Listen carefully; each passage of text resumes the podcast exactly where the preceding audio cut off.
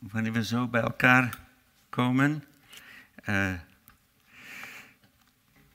dan zijn we hier onder andere om niet alleen te aanbidden en God groot te maken op de wijze dat we zojuist gedaan hebben. We willen ook zien wat God te zeggen heeft door zijn woord. Dat komt zo meteen. Maar het kan ook zijn dat iemand hier zegt van ik heb een woord, een Bijbelse tekst of een woord van de Heer, dat uh, voor vanochtend voor de mensen is dat hier kijken of zitten. En dus wil ik uitnodigen als iemand een woord heeft, een woord tot opbouw van de gemeente, bemoediging, uh, wil ik je uitnodigen om naar voren te komen. Dan moet je op het podium komen staan, zodat de thuiskijkers ook uh, mee kunnen kijken. Is er iemand?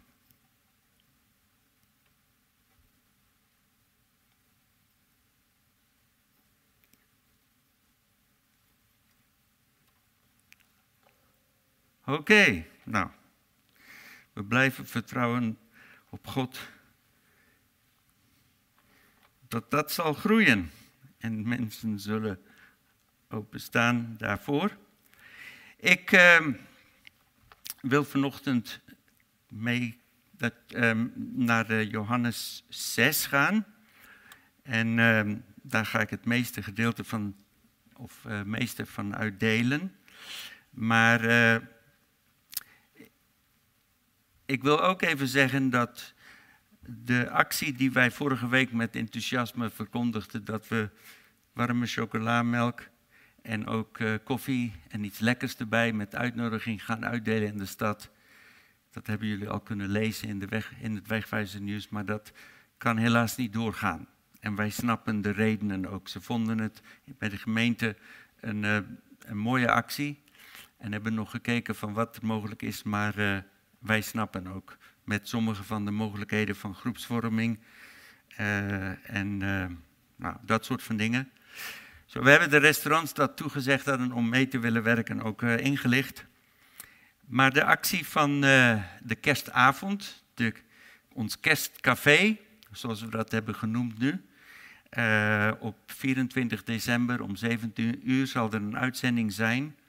En van de week gaan ze kijken er zijn twee mogelijkheden van restaurants waar het in opgenomen kan worden, als dat praktisch allemaal haalbaar is. Er zijn een paar uh, interessante gasten met bijzondere verhalen die aan tafel uh, daarvoor zijn uitgenodigd. En de burgemeester heeft nog niet nee gezegd.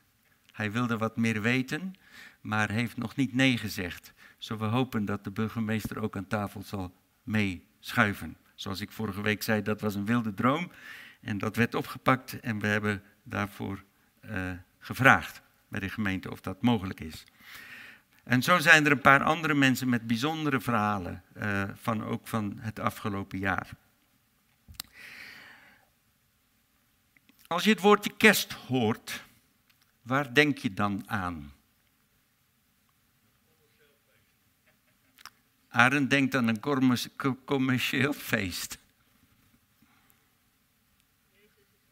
Jezus is geboren. Komst van mijn redder. Je hebt nu twee dingen gezegd, nu even.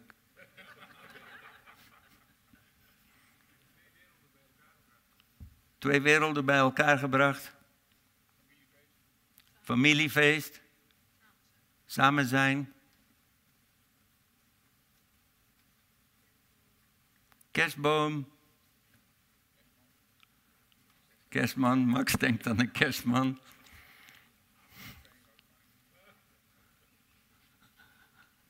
Wat nog? Vervulling van de komst van Jezus.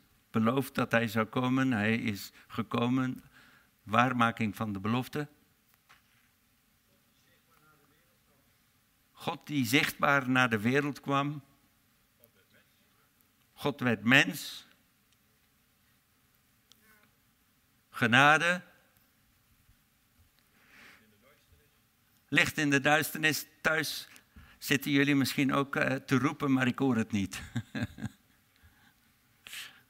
Oké. Harold had het genoemd, maar niemand noemde kerststol.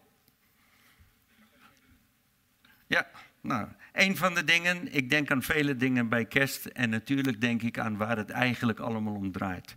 Maar sinds ik in Nederland woon, kan ik me niet voorstellen dat er geen kerstol zal zijn. Dat heb ik al eerder gezegd. En het zingen van Ere zij God in de hoge. Dat zijn twee dingen dat als ik, nooit, als ik ooit uit Nederland zou moeten vertrekken, dan zou ik die uh, missen rond deze tijd. Kerstol heeft niet echt te maken met kerst natuurlijk, maar het zit in dit seizoen. Maar wat ik niemand hoorde zeggen is brood. Want we denken vooral met de kerst aan de liefde en de genade. En voor mij is in de afgelopen weken het woordje vrijgevigheid van God naar boven gekomen steeds. Want als je het wil opsommen, dan zien we met kerst de vrijgevigheid van God. De gulheid van God dat Hij gegeven heeft. Johannes 3, vers 16 zegt, want God heeft de wereld zo lief gehad dat Hij zijn enige geboren zoon gegeven heeft. Ik zie geen tekst. Zodat een ieder die in Hem eh, gelooft niet verloren gaat, maar het eeuwige leven heeft. Dat is Johannes 3, vers 16. En daarin zien wij dat God heeft gegeven. Zo met de kerst denken we aan het feit dat God geeft. De genade werd genoemd, dat heeft te maken met vrijgevigheid. Maar toch heeft kerst heel veel te maken met brood. Nou gaat het er niet om, ik zal het uitleggen. In het eerste gedeelte van Johannes 6 staat het verhaal van de bijzondere, wonderbaarlijke spijziging omschreven. En bij die gelegenheid gaf Jezus 5000 mensen op bijzondere wijze te eten. Die menigte mensen, die volgden Jezus. En er kwam een moment dat ze honger kregen. En Jezus vroeg zijn discipelen, waar kunnen we brood vandaan halen om deze 5000 man en aanhang te kunnen uh, voeden? En de discipelen, of het was Filippus, die antwoordde, Heer, dat is een onmogelijke klus. Dat is niet mogelijk om te doen. Zoveel brood ergens ophalen, het zou een jaar kosten aan loongeld. En toen verscheen er een jongetje en die kwam bij Andreas, een ander discipel van Jezus. En hij zegt tegen Andreas, ik heb hier vijf broodjes en twee visjes. Ik weet niet of u er iets mee kunt, maar dat is wat ik heb. Misschien de naïviteit van een klein jongetje. Ik weet niet hoe het moest zijn geweest voor, voor Andreas om daar te staan, want ja, het, uh, het durven van het jongen is benoemingswaardig. Maar ik kan me voorstellen dat hij ook van binnen dacht van jongetje, uh, mooi, mooi geprobeerd, maar daar kunnen we niks mee. Maar ergens wordt Andreas in zijn hart geraakt en hij heeft Jezus uh, wonderen zien doen. En hij gaat naar Jezus en hij zegt, hier is een jongetje en dit is wat hij heeft. En wijs hem alsjeblieft niet zomaar af, denkt hij bij zichzelf misschien. En Jezus zegt nou, Laat de mensen maar gaan zitten. En hij nam de, twee, de vijf broden en de, en de vis maar twee broden, daar gaat het mij om vanochtend. Hij nam de twee broden en hij dankte God voor het eten dat zometeen uitgedeeld gaan worden. Nou, ik heb een keertje hierover, hierover eerder gesproken. en dan kan ik me voorstellen dat de mensen, terwijl hij God dankt, denken van, jongen, jongen, wat gaat hier gebeuren? En degenen die net wonderen gezien hadden, een paar, die denken van yes, er komt weer iets aan. Al die gemengde gevoelens zijn daar. En toen begon de discipelen het brood te nemen van Jezus en ze moesten het uitdelen. En ze nemen een stuk brood en weer een stuk brood en weer een stuk brood en weer een stuk brood.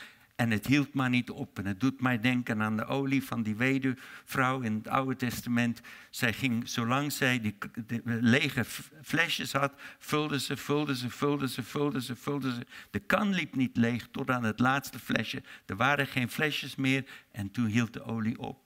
En hier was het ook. En Jezus geeft het brood de discipelen en ze geven uit en geven uit en geven uit en geven. Even rusten, even rusten.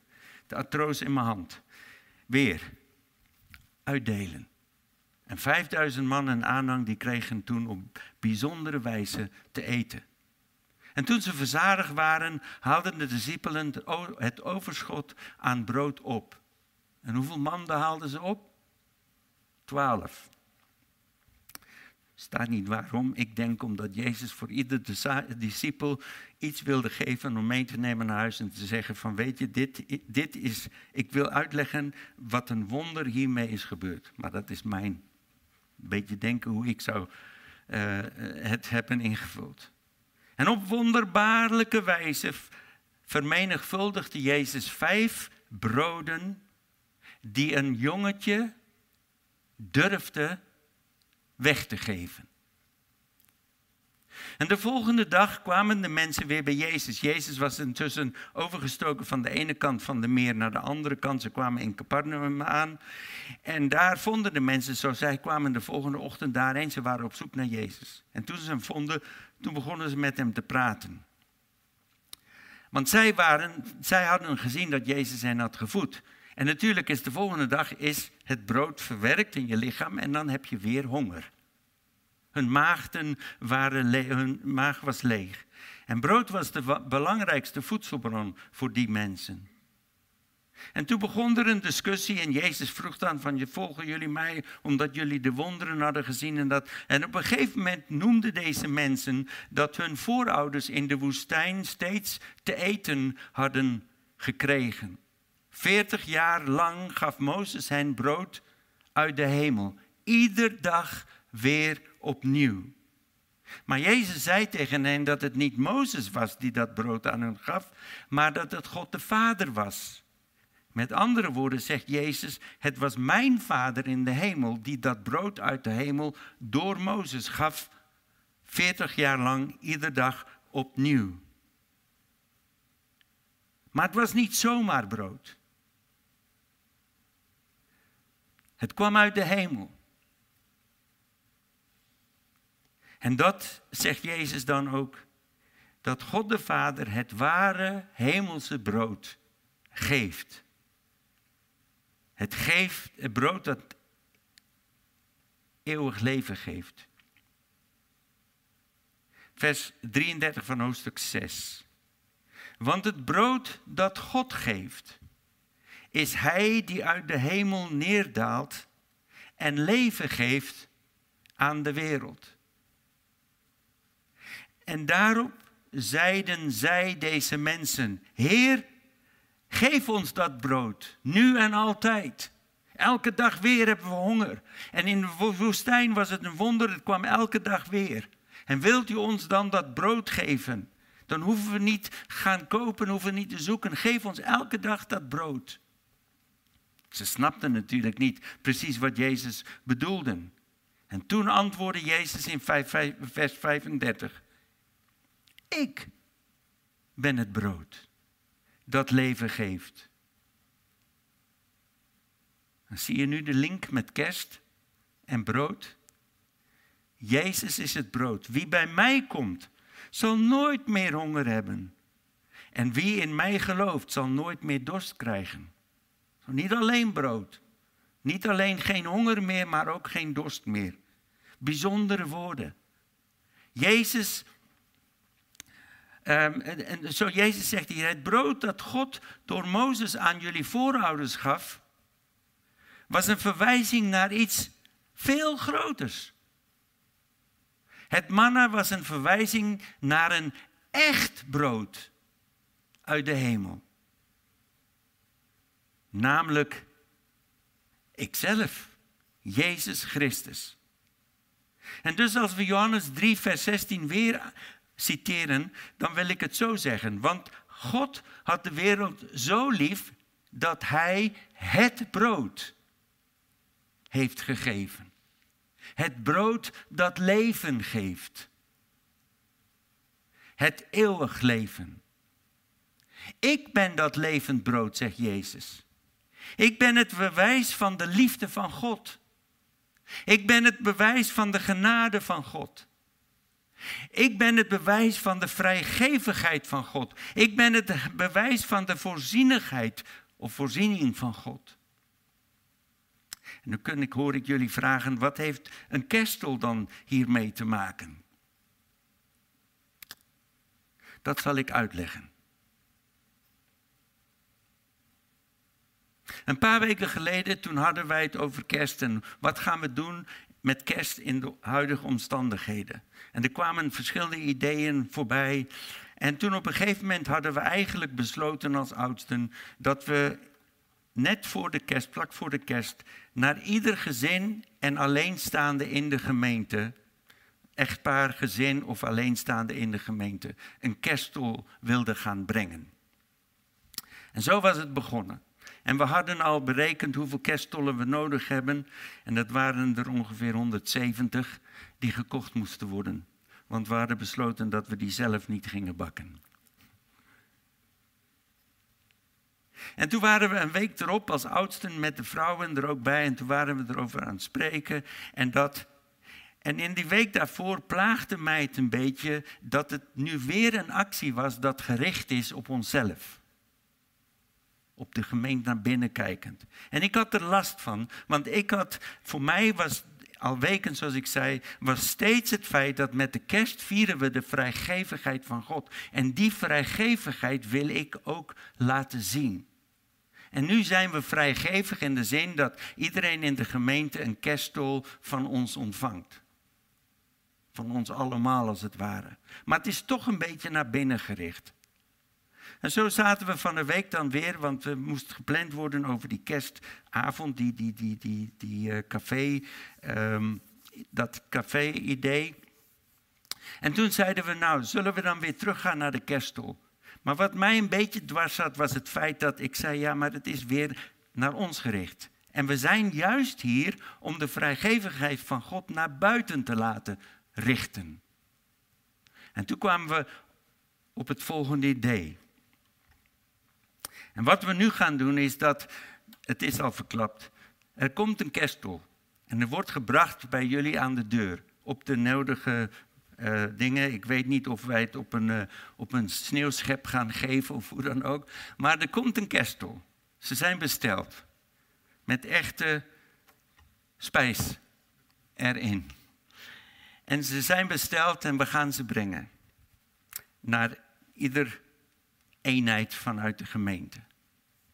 En met dat komt er ook een kaartje. Of een aantal kaartjes als je dat wil. En het kaartje is het kaartje dat we zouden willen uitgeven dan op de markt dat niet meer kan doorgaan. En daar staat op, met de kerst vieren wij de liefde en de vrijgevigheid van God. En aan de achterkant is er een uitnodiging.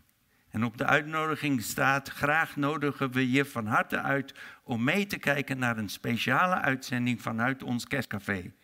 Aan tafel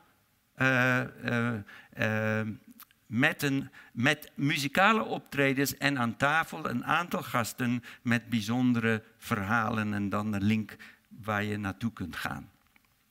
En nu is de bedoeling dat je een kerststol ontvangt.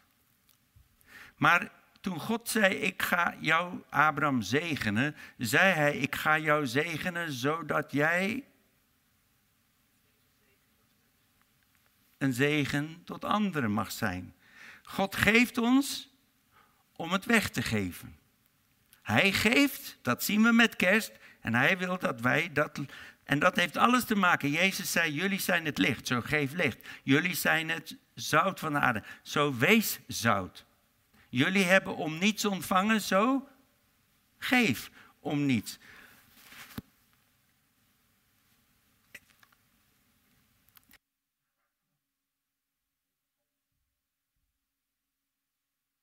Nee, want nu staat het op de camera en dat lijkt niet zo mooi.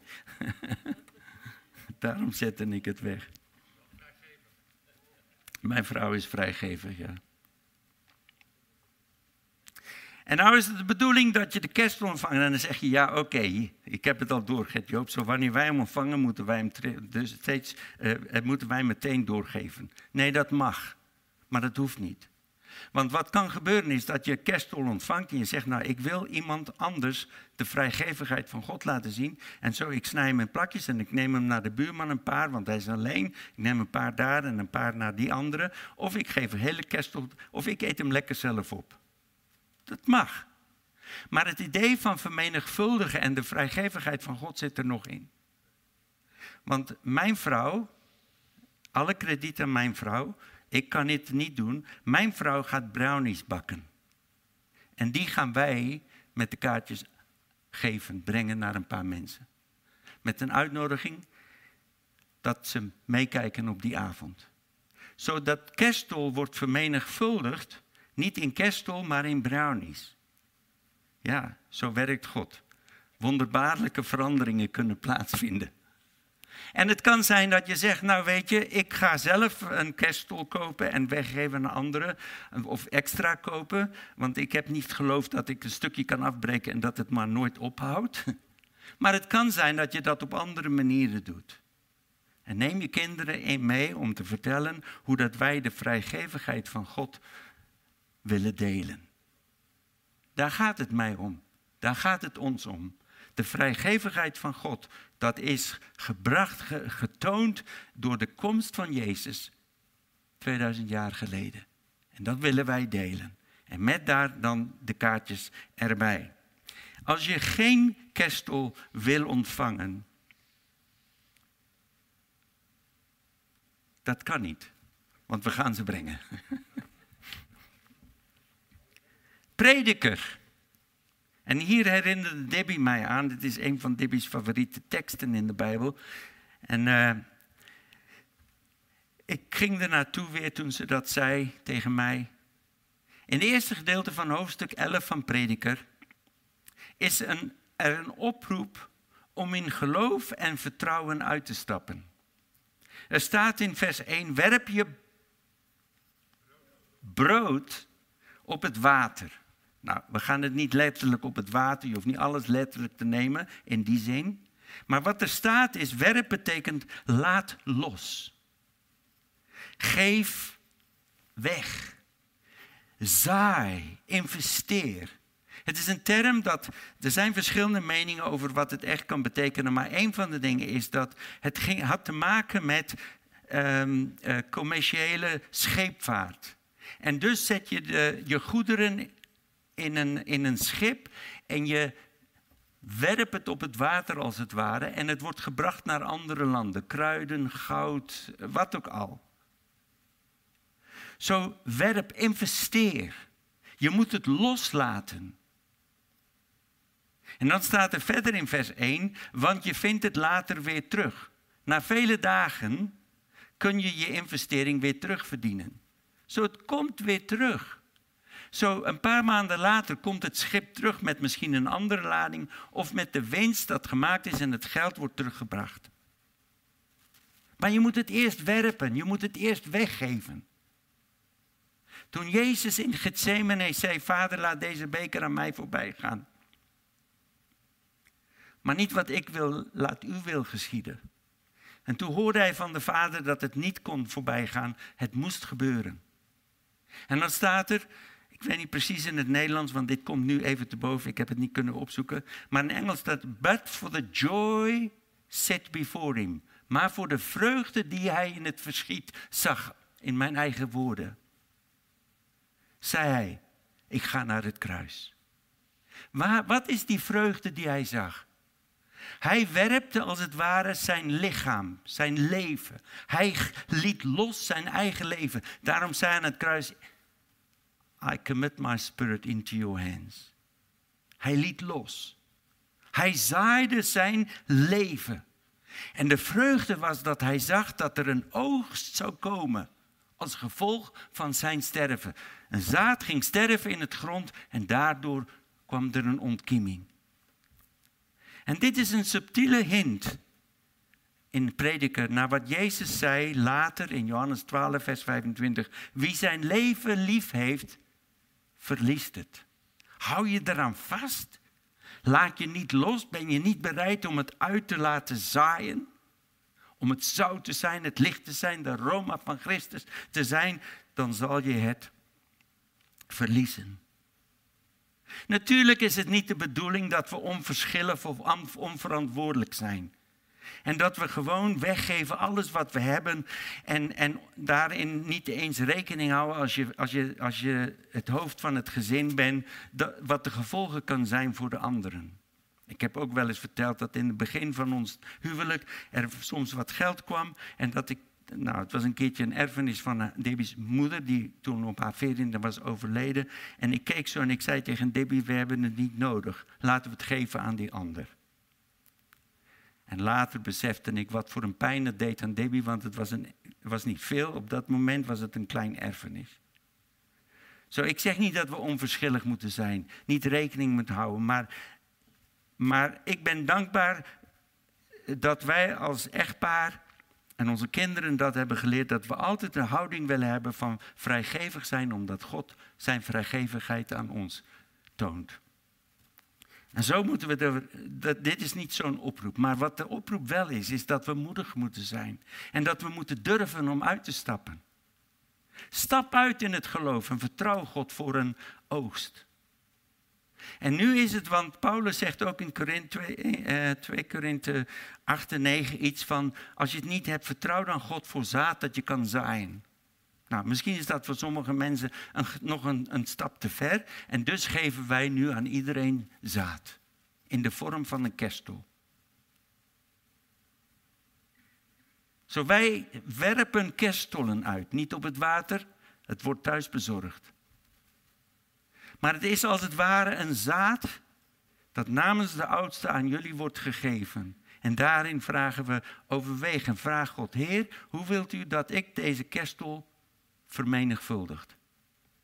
Vandaar de titel, hoe vermenigvuldig je een kerstel? En hoe kan ik tot een ander tot zegen zijn? Er staat in hoofdstuk 4 van Prediker 11, wie altijd op de wind let, komt nooit aan zaaien toe. Wie altijd naar de wolken kijkt, komt nooit naar, aan maaien toe. Een boer zal nooit zaaien als hij ziet dat er geen mogelijkheid van regen is. En als hij naar de wolken kijkt, niet maaien, want het blijft regenen, regenen, regenen. Met andere woorden, als je let op de omstandigheden, dan zal je het nooit doen. En als je gaat zeggen van ja, ach ja, maar iedereen krijgt nu die werkt, krijgt een kerstpakket. En in die kerstpakket zit een stoel. Of misschien niet eens een stoel, wat veel lekkerder voor sommige mensen dan een stoel. Wat zal een kleine stol of een kleine bord brownies thuisgemakte, want dat is wat Debbie zei. Ik zei tegen ik zei, Debbie, waarom bak je niet van die brownies? Want Debbie heeft dit jaar geleerd hoe om extra, extra lekkere brownies te maken maar niet gewone brownies. En toen zei ze, maar in deze tijd staan mensen die ons niet zo goed kennen, niet te popelen om een bord met brownies dat gebakt is thuis, waar je niet van weet hoe coronaproof is het. Ik zei, Debbie, laten we ons daar niet druk om maken. Nou, maar als je kijkt naar de omstandigheden, oh ja, nou als ik met mijn buurman kom of naar die oude dametje daar of wat ook al. Nee, Kijk niet naar de wind, kijk niet naar de wolken, maar kijk naar God en stel je hart open en zeg, Heer, leg iemand op mijn hart. Wie wilt u dat ik daarmee kan zegenen? Vers 6 zegt, zaai van de morgen tot de avond. Laat je hand niet rusten, want je weet niet of het zaad de ene of de andere of elke keer ontkiemen zal. Dat weet ik ook niet. Wij hebben ook veel in ons leven gezaaid en we hebben de oosten daarvan niet gezien. Maar we vertrouwen wel op een oost. We blijven zaaien. En soms gaat het mis. Financieel wat we gezaaid hadden een stuk voor de crisis in 2008 verdween niet, maar de winst wat er zat verdween. Dat gebeurt soms. Maar als we in gehoorzaamheid naar God leven en op Hem vertrouwen, en ons laten leiden door zijn geest, dan mogen we zeggen, ik heb gedaan wat u wilt en ik laat de oogst aan u. De resultaten zijn aan u. En dus wil ik je bemoedigen. Gebruik de elke gelegenheid om te zaaien. Niet alleen met de kerstel. Misschien wakkert het je aan. Misschien geeft het je andere ideeën. Dat horen we ook graag. Vertel ons de verhalen van dat wat hier uitkomt. Wij willen als de wegwijzertjes tot zegen zijn in onze omgeving. Waar het ook mag zijn. En benut de mogelijkheden om de vrijgevigheid van God te laten zien. Je weet nooit precies wat de uitkomst zal zijn. Jaren later hoor je het pas. En wij zijn dankbaar dat wij van die verhaaltjes soms mogen horen van mensen. En ik moest van een week eraan denken toen ik hiermee bezig was. En ik ging weer de Heer danken, dat doe ik vaker, maar meer specifiek deze keer. De Heer danken voor de mensen die in mijn leven en ons leven gezaaid heeft. Voor mijn trouwen in mijn leven en daarna in onze leven. Ik zei, Heer, ik weet niet waar die mensen meer zijn, sommigen. En sommigen leven niet meer of ik weet niet of ze nog leven. Maar ik wil u danken dat zij uitstapte in geloof om te investeren in mijn leven. En dat begon met mensen die een voorbeeld voor mij waren in Jezus, die mij aanspoorden, die voor me hebben gebeden. Maar het waren ook mensen die financieel in ons hebben geïnvesteerd. Eerder uh, dit jaar belde ik iemand op in Zuid-Afrika die ik al twintig jaar niet meer gezien heb of gesproken heb. En ik belde hem op en ik zei dat wij in Zuid-Afrika van plan waren om te komen. Dat was in april, ging niet door. En ik wist dat hij in dat gebied waar wij naartoe gingen ergens woonde. Zo ik vroeg hem over. En toen zei ik tegen hem, ik zei, ik wil je even bedanken voor, ik heb wel al jaren niet meer gesproken met elkaar. Maar hij heeft toen betaald voor onze container om van Zuid-Afrika te kunnen komen naar Nederland. Dat was maar één verhaal. Er waren andere mensen die, die investeerden financieel om het mogelijk te maken om voor ons, om God gehoorzaam te zijn om naar Nederland te komen. En ik zei, ik wil je bedanken voor jouw investering. Ik weet niet of waar hij nu in de kerk zit of wat ook al. Zijn leven is ook een beetje anders gegaan, verdrietig enzovoort. Maar ik zei, ik wil het weer eens, twintig jaar later, wil ik je bedanken voor die investering. En het begint soms met een kerstel. Een jongetje dat komt met een paar broodjes en denkt van, ach, nietig, vijf broodjes. Laten we uitstappen in geloof. En laten we de resultaten aan de Heer over. Fijn, iemand riep amen. Amen. Kijkers thuis, er zijn twee mensen die zijn heel blij en roepen amen. Wat, wat zeg je? Je mag. Kom maar naar voren. Harold, geef je de microfoon. De trap is lastig, zo zal je hem zien als hij hiervoor staat? Of hier? Ja, dan zal je hem wel zien. Of hier.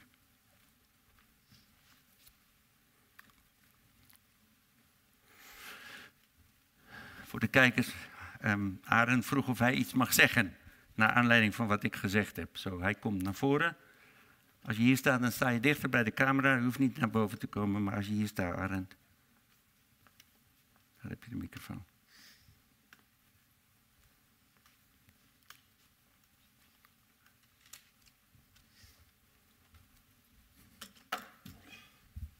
Naar aanleiding van uh, datgene wat uh, Gert-Joop vanmorgen gezegd heb, moet ik me eigenlijk diep en diep schamen. U weet, ik ben getrouwd met Annette. Ze heeft een hart als een olifant. Ze wil alles weggeven.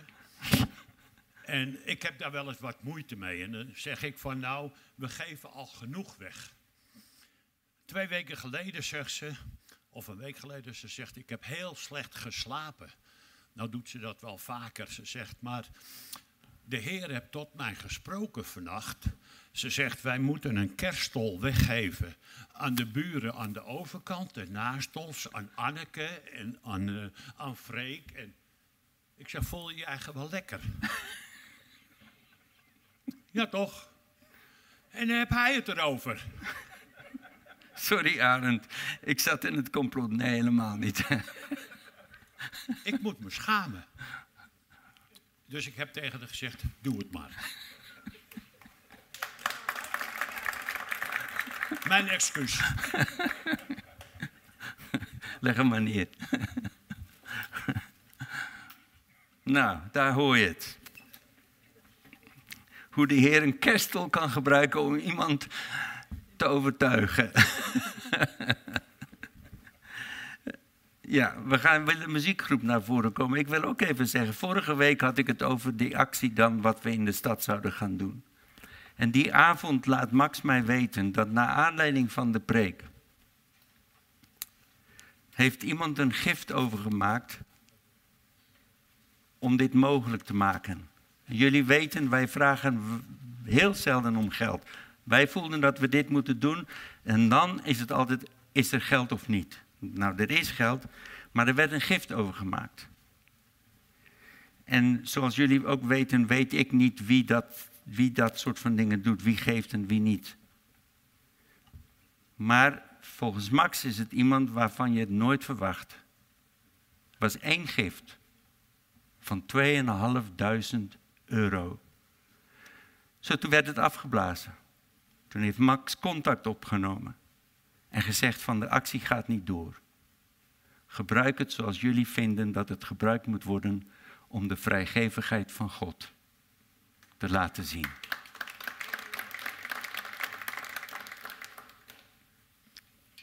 En dan zie ik oogst voor het zaaien dat ik probeer te doen. En ook de getuigenis van Arend is voor mij een oogst van het zaaien dat wij proberen te doen. Want God overtuigt harten en doet geloof komen in harten om te zeggen, Heer, Heer. En ik zat echt niet, ik had niks besproken met, het was totaal, en daarom vind ik het zo bijzonder. En dan de manier waarop Arend dat ook zo kan brengen met zijn droge humor. let's go for it. And let's trust God for great things.